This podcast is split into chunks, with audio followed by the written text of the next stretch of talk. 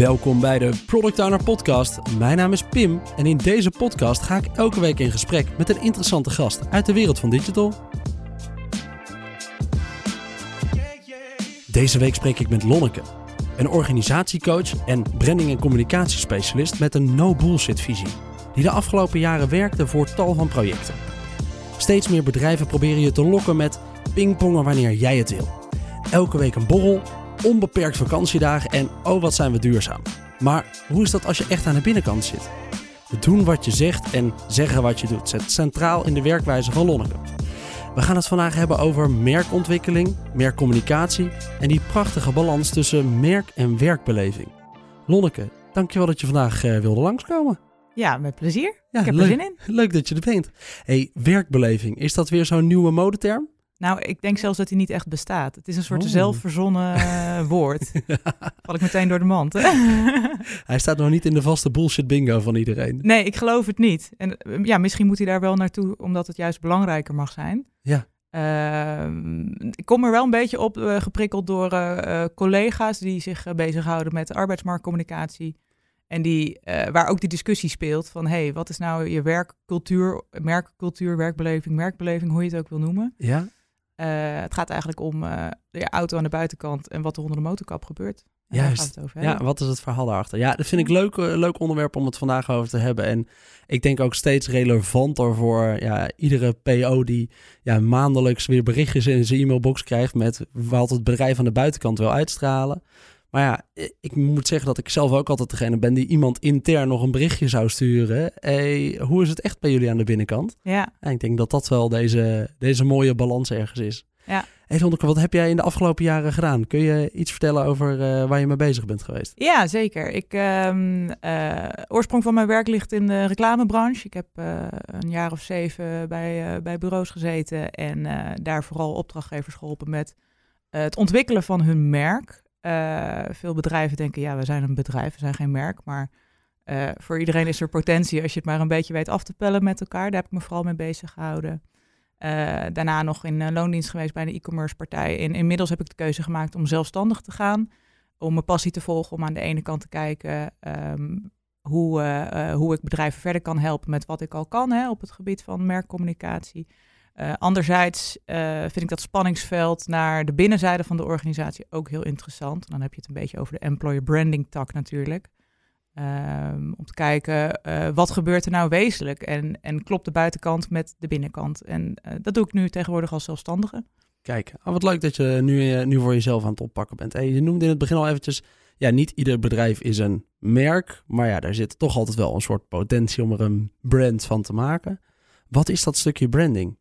Ja, het stukje branding, dat, ehm, eh, wat ik merk eh, bij veel bedrijven is het iets van, ja, dat is een logo op je website. Ehm, maar eigenlijk is een merk de hele identiteit van je bedrijf. En een, een organisatie is een, is een organisatie op het moment dat je met meerdere georganiseerd bent om een doel te bereiken. Zo simpel is het. Ja. Eh, maar dan zit er nog niet echt een ziel in, zal ik maar zeggen. En op het moment dat je een ziel kan toevoegen of kan vinden eigenlijk in je organisatie, dan ga je het hebben over branding.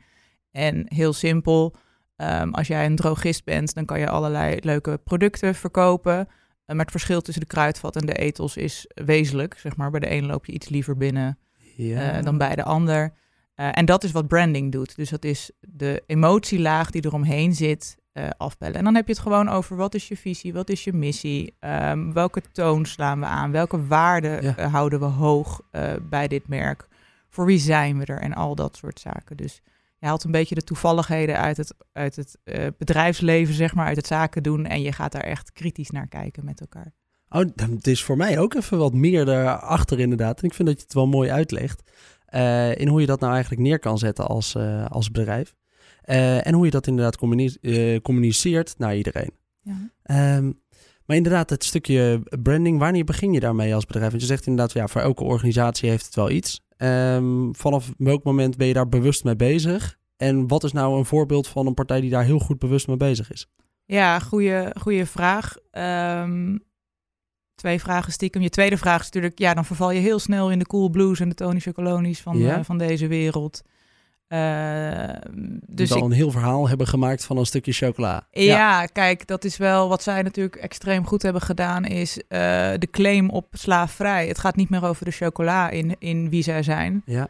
maar over slaafvrij handelen. En ehm, dat, is, dat is iets, dat eigenlijk trek je het dan hoger dan alleen vanuit het productniveau te communiceren.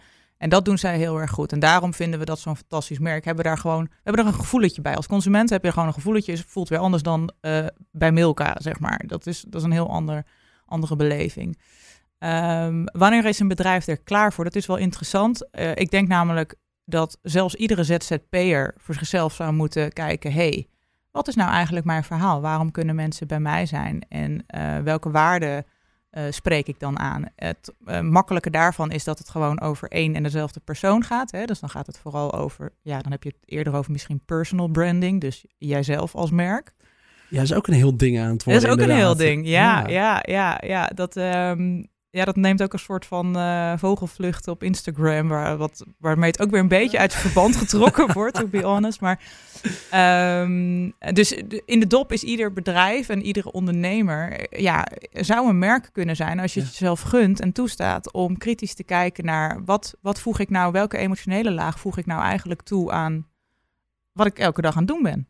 Nou, dat is wel inderdaad, dat personal branding is een heel ding aan het worden. Maar ja, ik wil eigenlijk wel eventjes gaan naar dat stukje. We benoemden het al helemaal net na het intro. Ja, wat is nou merkbeleving en wat is nou werkbeleving? Nou, merkbeleving is dus inderdaad een heel groot stuk wat je branding eigenlijk is. Dat is namelijk wat je uitstraalt.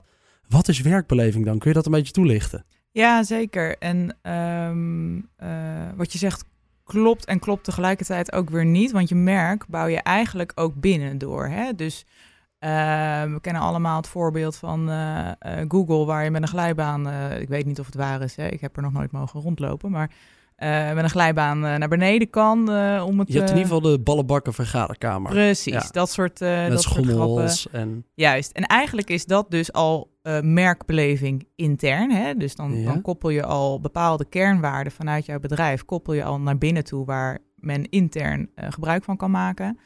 Um, en wat ik met werkbeleving bedoel, is vooral hoe is het nou echt? Het feit dat jij net aangeeft, hey, ik, uh, ik ben wel geneigd even een appje te sturen naar de mensen die er werken, is om even te kijken hoe groot is de kloof tussen de fancy woorden die we gegoogeld hebben en op onze website hebben geplakt. Ja. Uh, en hoe we wezenlijk met elkaar omgaan op de vloer. Klopt de, de, de werkcultuur, klopt de, klopt de werksfeer wel met wat we pretenderen aan de buitenkant? En um, helaas moet ik constateren dat die kloof af en toe nog best aanwezig is. Dus ja, dat is vooral mijn pleidooi. Kijk daar kritisch naar. Ja. En, en ontstaat die kloof? Is dat een te hyperactieve marketingafdeling die heel druk bezig is met de buitenkant zo hoog mogelijk prediken en zo hoog mogelijk uitstralen? Of is dat juist intern die dat helemaal niet voelt en eigenlijk geen stap vooruit wil maken ten opzichte van 20 jaar geleden? Ja, dat is, um, dat is een hele spannende wisselwerking. En daar, daar zijn, gaan ook uh, behoorlijk wat discussies over rond. Uh, enerzijds zie je inderdaad dat men zegt: oh ja, we moeten um, nou ja, bijvoorbeeld een nieuwe website ontwikkelen. Of hey, we moeten eens even weer kritisch kijken naar onze kernwaarden. Ja. Nou, dan wordt dat vaak in een klein clubje wordt dat bedacht en samengesteld. En, en wordt er met veel liefde overigens gewerkt aan, aan een soort van nieuwe waardeset. En dat wordt dan op een leuke heidag de organisatie ingesjoeld. Ja, of niet eens. Of niet eens. Ja. Uh, je krijgt een mail of we, we, plakken het op een krijtbord op het toilet. Dan weet je ook even wat onze kernwaarden hey, er is een nieuwe zijn. website en die hebben we gebaseerd op deze kernwaarden. Ja. En ja, in alle eerlijkheid gebeurt het toch vaak genoeg dat ja, het branding en marketingteam en vaak een externe marketingpartij daar heel druk mee bezig zijn geweest. Maar dat de communicatie daar vanuit intern in de organisatie. Exact. Ja. Exact. En dan heb je het echt over het, het, communiceren. Dus dan heb je het echt over het lanceren van bijvoorbeeld je nieuwe website of, ja. of wat je dan ook uh, uh, gemaakt hebt met elkaar. Um, maar de veel grotere uh, uitdaging die je daarmee krijgt, is dat het dus niet um, gedragen wordt intern. Ik noem dat altijd maar not invented here. Ja, op het moment dat, uh, dat ergens een afdeling drie hoog achter allemaal woorden uh, verzint voor onze bedrijf. En echt met, met liefde, hè? dus, ja? dus ja, daar geen oordeel over. Maar, um, maar we vergeten eventjes kritisch te kijken naar wat zit er nou eigenlijk? Van, door alle lagen heen, hè? dus van de koffiejuf tot aan de directie. ehm, wat gebeurt daar? Wat vinden mensen nou belangrijk? Wat is nou wezenlijk de ziel die we hier op de vloer hebben? En uh, logischerwijs zijn we toch geneigd dan de iets minder leuke kanten een beetje zo weg te moffelen. En woorden te pakken die we zelf best prettig in het gehoor vinden liggen. Of die een beetje uh, stroken met de trend. Hè, innovatief, dynamisch. Dat zijn allemaal van die heerlijke woorden. Nou, dynamisch kan betekenen dat je inderdaad heel uh, erg geprikkeld wordt elke dag. En dynamisch kan ook complete chaos betekenen. Wat betekent dynamisch? En um, dat zijn allemaal van die woorden. Ze zijn niet fout, maar we vergeten vaak echt te kijken op ja. de vloer. Het zijn containerbegrippen die eigenlijk ieder zijn eigen invulling kunnen krijgen. Ja, en, en die wel Uh, nou ja, dat, misschien wil ik eigenlijk wel bedrijven uitnodigen om ook te challengen, om ook te kijken van oké, kloppen ze nou ook echt? En wat, wat zien we dan vervolgens niet? Hè? Dus Kijk, een containerbegrip, dan heb ik het vooral over kwaliteit en uh, professioneel. Dat, er zijn ook bedrijven die dat nog op het wc-deurtje hebben staan. Ja, ja. Nou, ik mag leiden dat jij professioneel bent als bedrijf. Onze drie USP's. Jij, ja, uh, exact. Kwaliteit in het vaandel, ja. professioneel. En klantgericht. Het liefst ook klantgericht, want we hebben ook nog klanten ergens te bedienen. Ja, nee, alle gekheid op een stokje, dat zijn echt van ja. die zaken. Die kom je ook in de praktijk nog tegen. Zeker. Dat is helemaal doodzonde. Maar op het moment dat er wel aandacht is besteed, wat op zich een hele mooie stap vooruit is, zie je dat die kloof er vaak gewoon nog is. En dat, het, ja. dat er dus inderdaad uh, nieuwe waarden uh, naar binnen geschoven worden op dus een heidag of inderdaad niet. En uh, ja, dan blijven het lege begrippen. Dan hebben we eigenlijk een soort van leeg bedrijf of leeg merk uh, gecreëerd met elkaar, met alle pijn en moeite. Ja, als je nou innovatief ergens neerzet, ja, en alleen je R&D-onderdeel van je bedrijf is inderdaad bezig met nieuwe innovatie, maar het hele facturatiesysteem draait nog op een legacy-optie uh, van 20 jaar geleden. Exact. Hoe innovatief ben je dan voor ja. al je medewerkers als en, je dat op je career page zet? En als ieder uh, nieuw idee, want dat zie je dan ook vaak, hè, dat, dat nieuwe innovatieve ideeën van, vanuit de vloer, vanuit werknemers uh, hey, zullen we eens een keer hier naar kijken? Of hey, ik heb een nieuwe tool of een nieuw platform ontdekt waarmee we... Nou, maar dat past niet op de, op de backlog. Dus dan, dan drukken we dat ook nog even fijntjes de kop in. Maar we zeggen wel op onze website dat we innovatief zijn. Ja. En dat doen we niet bewust. Hè? Dit is een heel logische uh, uitkomst. Um, de pest is alleen dat je dus een kloof aan het creëren bent. Dus dat jouw buitenzijde, wat jij uh, pretendeert, wat je zegt, wat je doet, en niet meer strookt met wat je intern daadwerkelijk doet. En uh, ja, dan gaat hij wel wringen ergens. Ik denk dat we wel redelijk de essentie hiermee inderdaad te pakken hebben, waar die ook inderdaad vaak al misgaat. Want dit is, ja, dit is een beetje de opzet die, uh, die er bestaat. Ja, het is helemaal niet, niet iemands bedoeling om het zo te maken. De marketeer en de uh, kopgroep van het bedrijf, die hebben allemaal de goede visie om inderdaad verder te gaan. Maar als dat niet strookt met wat je intern hebt, ja, dan is dat al wel een groot onderdeel wat, wat een beetje wat misgaat. En als we nu eventjes kijken, nou op dit moment weten we allemaal dat er een soort war on talent uh, gaande is. Oh ja? zo, zo wordt hij tegenwoordig genoemd. Ja, ja. ja. Ik, ik noem het eigenlijk ook gewoon liever schaarste aan goed personeel. Maar ja, ja, de war on talent wordt hij genoemd.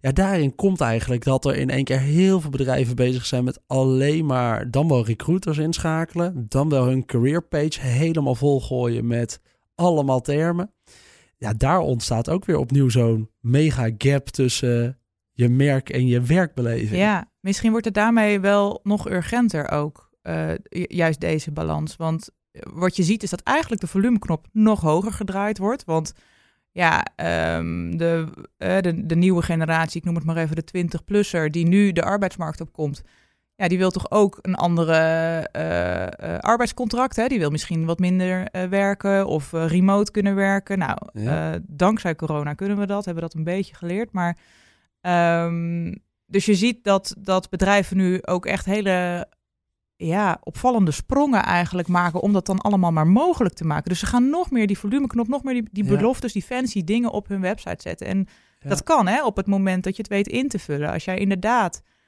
uh, als jij je cultuur zodanig hebt ingericht dat jij het inderdaad prima vindt dat al jouw medewerkers thuiswerken, omdat zij, of thuiswerken of vanuit een camper in Zuid-Spanje, ja. um, omdat jij dat talent binnen wil halen, ja, helemaal goed.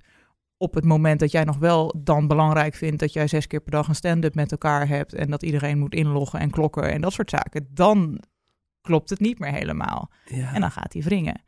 Um, dus ik denk dat het juist nu in die arbeidskrapte of, of, of schaarste, dat je nog kritischer moet kijken van wie zijn wij nou en wie zijn wij ook als werkgever. Hè? Want branding is ook nog eens een keer twee kanten op. Je, dat heb je natuurlijk naar je, je, je klanten, je stakeholders toe, maar je hebt het natuurlijk ook naar je medewerkers. Wat is nou je medewerkersbelofte? En klopt die dan nog?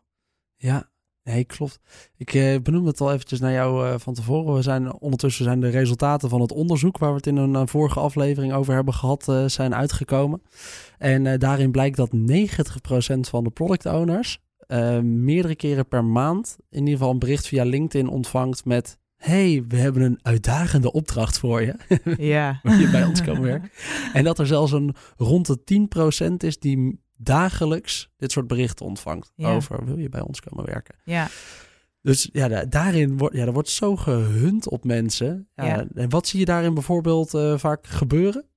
nou, ja, ik heb daar een hele slechte veroordelende term voor en dat is dozenschuiverij. Ehm, kijk, de recruitmentbranche heeft zichzelf natuurlijk niet heel erg lekker gepositioneerd de afgelopen jaren. Er zijn echt Ja. hele goede recruiters, maar er zijn ook de dozenschuivers. En op het moment dat iemand een hele uitdagende opdracht voor mij heeft, weet ik al hoe laat het is. Ehm, ik denk dat je veel meer kan kijken ook naar, oké, ehm, eh, niet alleen wat bied je zeg maar qua opdracht, maar hey, klopt, klopt de match eh, cultureel gezien? Klopt het met ehm, eh, wat jij als bedrijf kon brengen en eh, wat jij als medewerker ook in je hebt? Hè? Klopt die match? En kijk eens naar wat iemand nodig heeft. We zijn heel erg geneigd dat op cognitie, op kennis aan te vliegen. We hebben dit en dit van je nodig. We verwachten dit en we bieden je dat en dat. Maar daar zit dus een, ja, een laag onder waarop die product owner bedenkt tussen al die duizenden mailtjes per week. hey, maar dit is hier, hier gaat mijn hart van kloppen. En soms kan dat inhoudelijk zijn. Hè? Ja. Dus, dus eh, eh, ik weet inderdaad vooral ook eh, in de, in de IT-branche dat het de uitdagende opdracht, dat dat ook wel echt zeg maar de trigger kan zijn. Ja, Ehm, maar daar ga je het niet meer mee winnen op dit moment, denk ik. En je moet dus heel goed nadenken, oké, wat, wat is verder die match? Is dit de juiste persoon en, en klopt dat? ja, en dat stukje cultuur bouwen voor je bedrijf. Ja, dat is. Wij, zitten, wij zijn nu met 15 eh, intern. Mhm. Nou, dan is dat wel ook goed te doen. En we kunnen iedereen inderdaad ook beloven en het ook waarmaken dat iedereen zelf mag werken wanneer ze willen.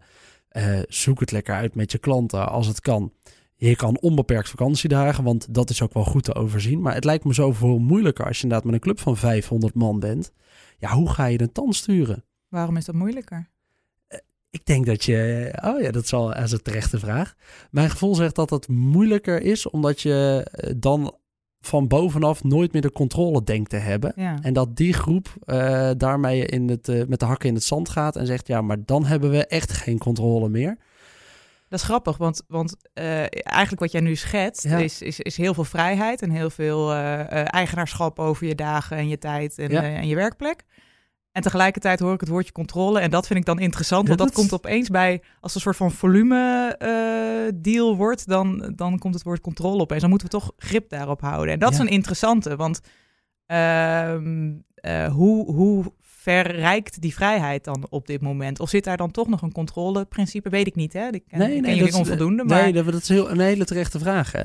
Eh, want daar zit ergens ja, de zelfsturendheid. Ik geloof heilig in de zelfsturendheid van, eh, van een team. En dat ze echt wel, ja, als je nou mensen aanneemt die allemaal heel goed kunnen wat ze kunnen, dan kun je dat. Dus ik denk dat je inderdaad, de, de- het stukje controle zit er ook wel heel erg op je inbound. Dus hoeveel mensen neem je nou aan? En van die mensen weet je ook hoe goed ze eigenlijk zijn. Maar als je nou 500 mensen aanneemt, ja, dan kun je het bijna niet hebben dat je er geen rotte appels tussen hebt. Nee, er is een soort van eh, eh, bijkomend risico Ja. die, die ontstaat. En tegelijkertijd, op het moment dat jij dus mensen aanneemt, zoek jij, als het goed is, hè, dus, dus, dus een, een recruiter of een HR-manager die weet heel goed, hey, wij bieden heel veel vrijheid en vrije dagen en eh, nou, het hele pretpakket.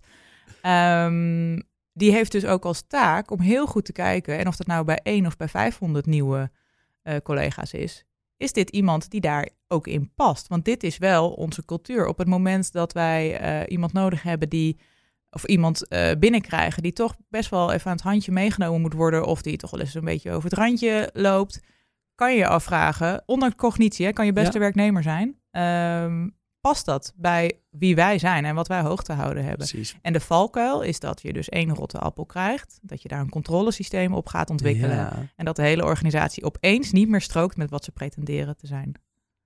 Wel goed hè, dat, eh, dit ene voorbeeldje waar ik eventjes indook. Heerlijk. Eigenlijk geeft dit een perfect scenario om het uit te leggen. Ja. Inderdaad, wat daar nou gebeurt. Dit zijn de issues, ja. Ja. ja. Ik zag wel van de week ergens een bericht voorbij komen dat Elon Musk zijn werknemers had opgeroepen om of weer op kantoor aanwezig te zijn of een andere baan te zoeken. Ja. ja, nou ja, duidelijkheid is ook, eh, Is ook deel is van ook je belangrijk. cultuur. Ja, precies, precies. Ja, soms werkt het gewoon even niet meer.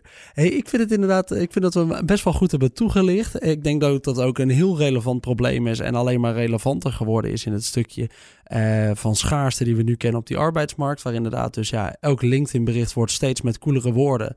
En eh, wordt steeds uitdagender. En eh, ja, het, het berichtje bij ons mag je pingpongen in de, in de pauze. Of pingpongen wanneer jij wil. Of pingpongwedstrijden. Ja, Ja. nou, die, dit, dit vind ik de allermooiste. Als die erin zit, dan ga ik inderdaad af. Dan denk ik al, ja nee, het is goed jongens. Ja, Lijkt mij bloedirritant als ik een call heb. En jullie gaan altijd zitten pingpongen. ja. Ja en, en, en eh, wat voegt het ook toe? Hè? En zit Ja. jij daar dus ook op te wachten? Ja. Dat is ook een beetje de vraag. Misschien heb jij liever eh, een, een salarisverhoging of een andere auto of een deelfiets. Of het maakt me niet uit. Maar, Goed thuiskantoor, al dat soort. Ja, exact, pingpongen. Ja. Ja. ja. Tuurlijk. Nee, ik ja. leuk. ik, eh, ik ben heel benieuwd of je ons nog even mee, wat goede lessen mee kan geven. Dus wat moet je altijd wel doen, zeg maar, als bedrijf? Wat moet je ook vooral misschien niet doen? Ehm, ja, dat, dat ligt een beetje aan de fase waarin je zit natuurlijk eh, als organisatie. Ja. Maar ehm, wat ik iedereen zou eh, willen meegeven is... probeer eens open en vooral je mond dicht, maar je ogen en je oren en je zintuigen open. Kijk eens naar je organisatie. Voel eens wat er daadwerkelijk in een eh, vergaderruimte wel of niet gebeurt. Wat zie je nou gebeuren? Welke dynamieken zijn er? En vraag je af of dat klopt met wat je wil uitstralen als organisatie en of dat ook hetgeen is wat je uitstraalt. En op het moment dat je heel eerlijk naar jezelf moet zijn en zeggen: shit, we hebben een klein kloofje te pakken, wat niet erg is, hè? want een klein beetje kloof, kloof is niet erg, omdat er ook een, je mag een beetje erin groeien, je mag ook een klein beetje ambitie hebben natuurlijk, maar als je nou echt die kloof te groot hebt en je merkt gewoon dat het niet meer strookt, dat ehm, dat veel eh, eh, dat eh, team spirit hoog in het vaandel staat, maar niemand doet zijn mond open tijdens een vergadering. Als je dat signaleert, dan weet je dat er werk aan de winkel is. Maar het vraagt van directie, management, professionals, eigenlijk iedereen op de vloer vraagt het een open blik naar, hey, wat gebeurt hier nou echt? Even, ik hou heel Ja. erg van het zinnetje slowing down to speed up, zeg maar. Dat ehm, doe even één stapje terug. En, Precies, en ga kijk. eens even een beetje boven staan in een soort helikopterview. Loop nou eens eventjes die bedrijfsruimte in. Kijk Ja. eventjes naar wat er nou eigenlijk gebeurt. Daar zitten dan twintig mensen achter een desk misschien. En Exact. was dit nou inderdaad wat je dan voor ogen had Ja. met die cultuur die je neerzet? Ja, dit was dat dynamische, innovatieve bedrijf waar iedereen zich drie keer in de ronde kleidt in een Excelletje. Ja, Eh, precies. ja. Waar, waarin een export wordt gemaakt vanuit Exact, die dan verstuurd wordt in een Excel-format naar een collega, die hem dan nog even afdrukt, die hem daarop ondertekent en hem dan teruglegt op het bureau Ja. van de directie. Precies, ter ondertekening en dingen. Ja, precies. Dus dat is. ehm, eh, op, en op het moment dat je dat signaleert, en geheid ga je dat signaleren. Ehm, dat zijn dan- de goudklompjes. Ja. ja, dan, dan, heb je, dan is er werk aan de winkel. En dan kan je eigenlijk een paar dingen doen. Je kan zeggen, oké, ik ontsla mijn hele personeelsbestand... want ze kloppen niet bij het woordje wat ik op mijn website heb geplakt. Dat kan, hè? Dat kan absoluut. Eh, op het moment dat jij bijvoorbeeld in een bedrijfstransitie zit... eh, waar, waar je ook daadwerkelijk andere cognitie, andere kennis in huis voor nodig hebt... eh, moet je dat zeker doen. Dat hoort er ook bij, is ook heel gezond. Ehm, op het moment dat je daar niet zit en je wil wel met deze leuke club verder, dan moet je ofwel gaan sleutelen aan: hey, we gaan de angels even uit ons team halen, uit onze organisatie. Wat gebeurt er nou? Waarom houdt nou iedereen zijn mond? Wat zit daar dan onder? Dan ga je dus aan je werkcultuur eh, eh, sleutelen. Hè? Ja. Dan ga je eens kijken van: oké, wat, wat weerhoudt ons daar nou van? En aan de andere kant, als dat goed loopt eh, en, en op een gezonde manier, maar jouw woorden zijn stiekem toch defensie, ja, dan heb je toch echt wel eventjes een, eh, een klein merktraject te doen om te kijken, oké, wat, wat is nou wel de waarheid? Hoe kunnen we ons wel geloofwaardig op die, uh, op die website uh, positioneren. Ja, inderdaad. Je, je branding die eerlijk is, is veel krachtiger dan je branding die het mooist mogelijke verhaal vertelt, wat gewoon niet ja. waar is. Kijk, je duurste medewerker is je medewerker die je net een week binnen hebt. Uh, met je hele onboarding en alle sollicitatiegesprekken, ja, snuffelstages en alles wat erbij hoort. En hij is weg omdat hij erachter komt mag niemand durft hier zijn mond open te doen. Terwijl we hebben zo'n heerlijk, uh, hè, we hebben een heel leuk visitekaartje naar, naar buiten gegooid. Ja. Dat is natuurlijk doodzonde voor iedereen. En, en uh, niet in de laatste plaats voor de mensen die al in jouw organisatie zitten. Uh, die heel erg een nieuwe collega nodig hebben, want we hebben het allemaal heel druk wegens arbeidsmarktkrapte. En vervolgens hebben we er een en die komt, ja, die prikt dat ballonnetje zeg maar meteen door. en dat is ook wat ik bedoel met die uh, eigenlijk even met je zintuigen openzetten. Dat is natuurlijk wel een, een, een sollicitant die komt ergens bij jou binnen en die voelt echt wel um, wanneer iets oprecht is of niet. Dus wil jij duurzaam uh, je, ja, je aannameproces hebben lopen, wil jij duurzaam je merk neer kunnen zetten, geloofwaardig richting je klanten, richting je sollicitanten en richting je huidige medewerkers. Ja, dan heb je die, die, die merk en die werkcultuur wel op elkaar aansluiten. Ik vind het een uh, relevanter onderwerp misschien nog wel dan dat ik had gedacht toen we begonnen met het intro. Ik denk dat het op veel meer punten weer slaat in een organisatie. En eigenlijk bij elke organisatie wel een onderdeel zou moeten zijn van, uh, van eigenlijk het soort kwartaalproces. Waarin je inderdaad eigenlijk eventjes gaat kijken. Hé hey jongens, we hebben nu de afgelopen tijd enorm gewerkt aan die uitstraling naar buiten. Ik hoop dat mensen sowieso vragen na een maandje in de onboardingproces uh, aan een medewerker. Hey, hoe vind je het nu echt?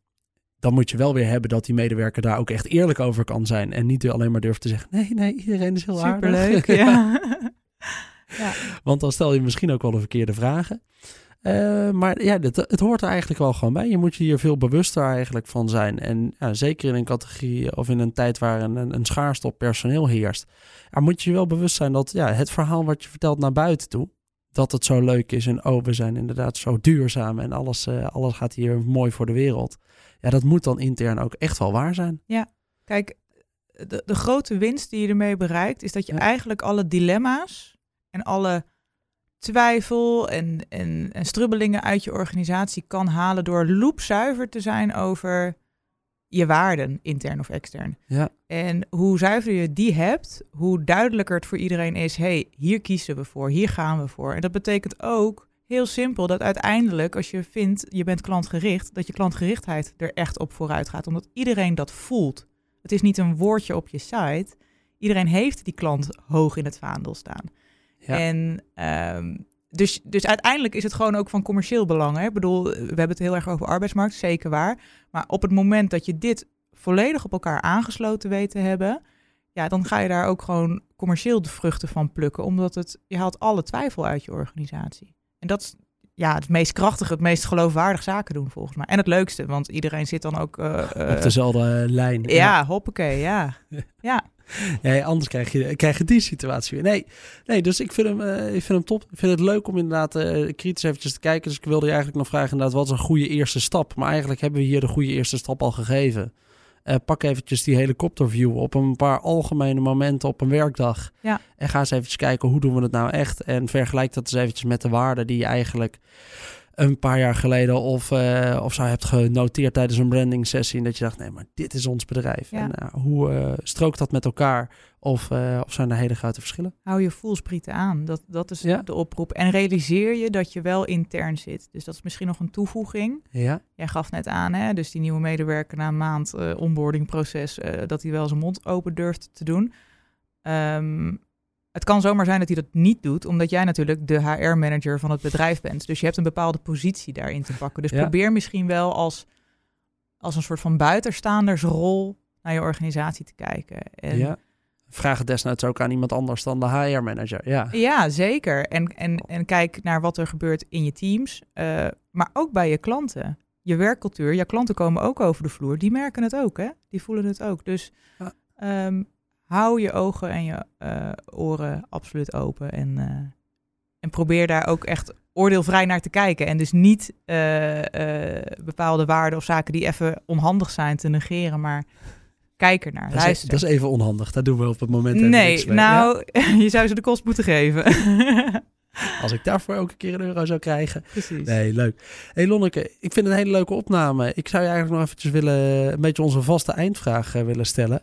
Is er zo'n tip die jij Lonneke die net uit de schoolbank eh, zou, zou, kwam, eh, zou willen geven? Dus eh eventjes eh 15 jaar terug in de tijd. Wow. Wat is, de, wat is de tip die je Lonneke mee zou geven die, die begint aan het werkleven? Ehm, Want je hebt ondertussen een periode gehad waar je voor wat bedrijven hebt gewerkt. Ja. Nu ben je freelancer geworden. Ja.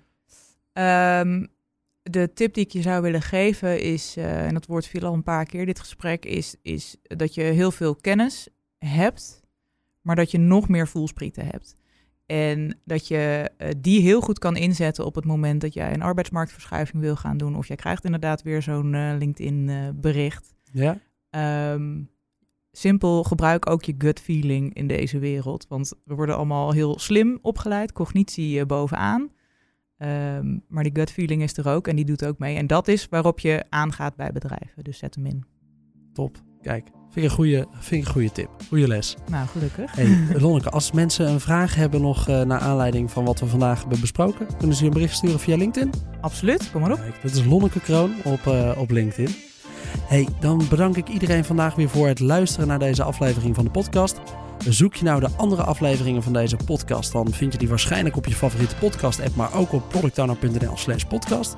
Ik wil ook weer even een bedankje uitspreken naar de Hub Studio van de Breda University die we vandaag weer hebben kunnen gebruiken. Heb je nog vragen aan mij naar aanleiding van deze aflevering of een paar goede tips? Dan kun je me een bericht sturen via LinkedIn, dat is Pimpot, of op pim.productowner.nl. En dan hoop ik dat je de volgende keer weer luistert. Tot dan!